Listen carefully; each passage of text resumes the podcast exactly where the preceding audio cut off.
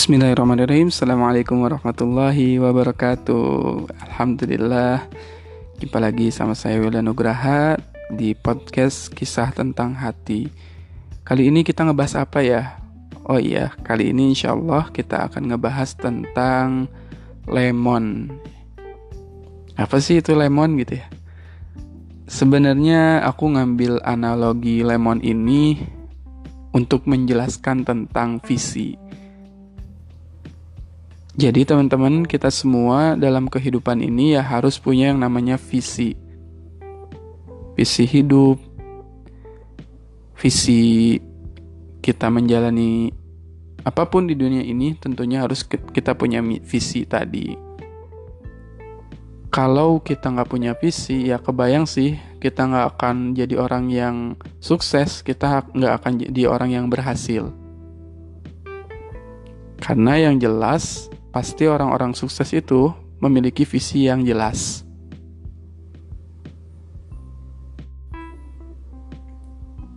Terus banyak gitu ya orang-orang yang nanya ke saya, gimana sih Kang caranya bikin buat eh, buat visi gitu ya? Gimana caranya kita membuat visi? Karena ketika sebagian orang ditanya, kamu punya visi nggak dalam kehidupan ini? Rata-rata orang-orang nggak punya atau nggak bisa ngejawab ketika ditanya visi kamu apa dalam kehidupan ini. Dan kebanyakan orang, ya termasuk saya waktu itu juga sama, nggak punya visi, nggak punya tujuan hidup yang jelas gitu.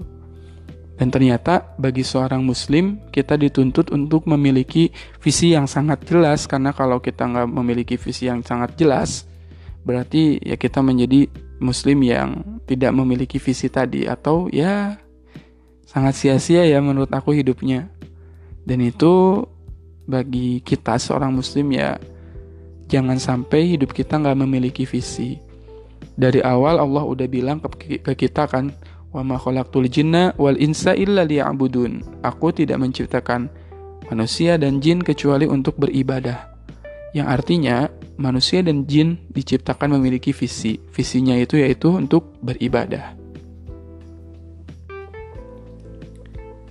Terus-terus eh, apa namanya untuk menggambarkan visi itu bagi aku sederhana aja sih. Kita misalnya bayangin aja teman-teman bayangin di di tangan kiri teman-teman itu ada yang namanya lemon buah lemon. Dan di tangan kanannya itu ada pisau. Coba coba bayangin. Udah udah ada ya? Ada buah lemonnya kan di tangan kiri dan di tangan kanan ada pisau sekarang teman-teman semua belah buah lemonnya pakai pisau yang ada di tangan kanan. Iris-iris dikit-dikit. Nah, kelihatan kan ya? Diiris dikit-dikit sampai kelihatan airnya netes. Wah, mulai netes nih. Mulai banyak yang netes. Akhirnya si lemon ini kebelah dua. Oke, udah kebelah dua kan? Teman-teman bisa nggak lihat di pisau itu banyak air yang ngalir. Yang netes-netes dari lemon tadi. Bisa? Oke, sekarang bayangin teman-teman semua ambil lemon yang udah dibelah tadi dan teman-teman gigit atau makan atau jilat lemon itu. Mungkin rasanya eh, ke bawah gitu sampai diri kita di sini padahal lemonnya nggak ada, tapi kita mampu merasakan asemnya dari lemon itu. Kita sampai mungkin merinding gitu ya bulu kuduk kita gitu ya. Bahkan bisa mengimajinasikan membayangkan bahwa lemon itu rasanya sangat asam atau ya sangat-sangat asam sehingga ya, kita bisa bayangkan tadi. Itulah yang dinamakan dengan visi. Jadi barangnya nggak ada tadi kita nggak ada ya di sini nggak ada lemon nggak ada pisau tapi kita mampu imajinasikan lemon ada pisau. Lemon ini adalah cita-cita kita dan pisau ini adalah sarananya sarana untuk mencapai cita-cita tadi. Nah, semuanya lemon dan pisau ini imajiner, nggak ada di depan kita nggak ada nih. Tapi ketika kita bisa bayangkan, kita bisa merasakan apa yang kita tidak bisa, uh, yang tidak ada di, de di depan mata kita gitu. Itulah visi. Jadi sesuatu yang sebenarnya belum terjadi, nggak ada di depan kita, tapi kita bisa tahu hasilnya bagaimana. Itulah yang dinamakan dengan visi. Ngerti kan ya?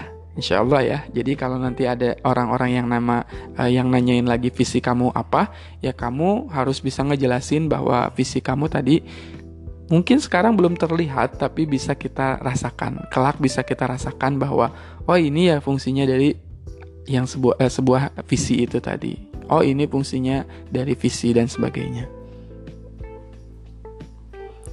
kita bicara lagi tokoh-tokoh muslim itu rata-rata punya visi yang besar. Contohnya Muhammad Al-Fatih. Muhammad Al-Fatih ini dari kecil udah diajarin ya sama pamannya, kemudian sama orang tuanya bahwa kelak dia akan ada seorang pak pemimpin yang akan bisa menaklukkan Konstantinopel dan terus-terusan Muhammad Al-Fatih diberitahu diberi, diberikan ceritanya bahwa kamulah yang kelak akan menaklukkan Konstantinopel dan sebagainya. Hingga akhirnya pada usia 21 tahun Muhammad Al-Fatih bisa menaklukkan Konstantinopel karena visi yang terus diulang-ulang. Torik bin Ziyad pun sama. Torik bin Ziyad adalah penakluk Andalusia. Dia juga sama memiliki visi yang sangat besar. Visinya yang tadi belum tercapai tapi dia sudah bisa mengimajinasikan jauh ke depan. Maka tadi karena kita memiliki nenek moyang-nenek moyang yang Masya Allah dalam segi hal visi ya kita juga harus bisa membuat kira-kira Allah menciptakan aku di dunia dengan visi apa. Pastinya kan Allah nggak nyiptain kita sia-sia di sini. Pastinya Allah nggak nyiptain kita tanpa tujuan. Jadi ya kita harus membuat tadi visi kita. Mulai sekarang coba deh kita tarik lagi apa sih visi hidup kita. Kita mau hidup seperti apa dan kita yang tentukan. Dan visi itu dibagi menjadi dua, ada visi dunia, ada visi yang sifatnya akhirat. Visi yang sifatnya akhirat,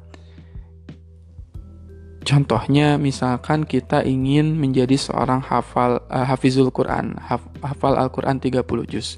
Nah itu itu adalah visi akhirat.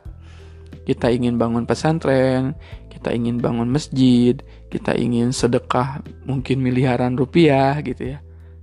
Itu adalah visi akhirat. Terus kita juga tadi harus punya visi dunia. Ya visi dunia adalah ketika kita di dunia ingin menjadi apa? Kita harus punya visi.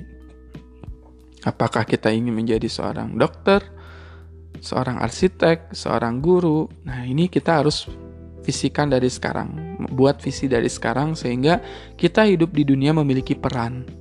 Dan tentunya peran ini berbeda-beda ya. Ada yang tadi guru, ada yang dokter, ada yang jadi arsitek dan sebagainya. Kita mengisi pos masing-masing dan sesuai dengan kemampuan kita. Kita inginnya jadi apa, maka kita minta kepada Allah supaya Allah memampukan kita. Tapi yang jelas sebenarnya banyak orang yang ketika menuliskan visi itu mereka takut gagal. Padahal orang-orang itu seharusnya nggak boleh takut gagal karena orang yang tidak memiliki visi itu adalah orang yang gagal. Jadi orang yang nggak punya visi itu sebenarnya dia orang yang gagal. Ibnu Qayyim dalam kitabnya Saidul Khatir menyebutkan bahwa seseorang yang tidak mempunyai tujuan, itu dikatakan orang yang gagal. Seseorang yang gak punya rencana, atau dia bahkan tidak berani merencanakan, maka dialah sesungguhnya orang yang gagal. Karena dia belum apa-apa udah ngerasa ah nggak bisa gitu. Dia belum melakukan sesuatu, belum melakukan something, tapi dia udah ngerasa ah saya bakal gagal dan itulah orang yang gagal sebenarnya. Adapun orang yang punya visi tapi belum tercapai ini visinya, maka kata Ibnu Qayyim, tidak masalah. Setidaknya dia sudah mencoba dan dia sudah melakukan ikhtiar-ikhtiar, usaha-usaha untuk mendapatkan apa yang ia inginkan. Dan kalaupun belum nyampe, maka Allah sendiri yang akan menyempurnakan ikhtiar kita. Jadi kebayangkan kalau ada orang seorang muslim gitu ya yang tidak memiliki visi ya seperti orang yang dalam kegelapan gitu ya. Kita nggak bisa ngelihat ke mana-mana. Gelap aja pokoknya gelap aja. Tapi kalau orang yang punya visi itu ibarat orang yang berjalan di bawah terik sinar matahari yang mana semua jalan itu jelas dia mau mengarah ke mana. Jadi tentukan visi hidupmu visi dunia dan visi akhirat Dan aku nyaranin ketika teman-teman semua membuat visi, coba buat visi dunia dan visi dunia itu dibawa ke akhirat. Contohnya, saya ingin menjadi seorang pengusaha yang hafal Quran misalkan. Saya ingin menjadi dokter yang punya rumah tahfiz. Saya ingin menjadi arsitek yang saya nanti pakai ilmu saya untuk membangun masjid, sekolah, madrasah, dan sebagainya. Karena ketika kita membuat visi dunia dan kita sertakan visi akhirat, maka Allah akan mudahkan kita. Akan ada keberkahan dalam kehidupan kita dibanding orang-orang yang hanya mementingkan visi dunianya saja. Inilah yang menjadi pembeda antara orang Islam dan bukan orang Islam. Di mana semua yang kita lakukan adalah untuk kehidupan akhirat kita. Karena itu adalah investasi sebenarnya. Ketika kita di dunia, kita kumpulkan bekal sebanyak-banyaknya dan ketika kita di akhirat, kita tinggal menemati hasilnya dari apa yang sudah kita lakukan di dunia. Jadi, silakan merenung dan pikirkan kembali apa visi hidup kita di dunia ini dan apa juga visi kehidupan kita untuk akhirat kita. Jadi kalau ingat visi, ingat aja buah lemon. Yang buah lemon ini kita iris menggunakan pisau dan kita bisa rasakan asemnya buah lemon itu, kendati pun buah lemon dan pisau itu tidak ada. Selamat berjuang untuk mencari visi dan tentunya sertakan Allah. Semoga Allah membimbing kita semua agar memiliki visi, visi hidup yang jelas. Assalamualaikum warahmatullahi wabarakatuh.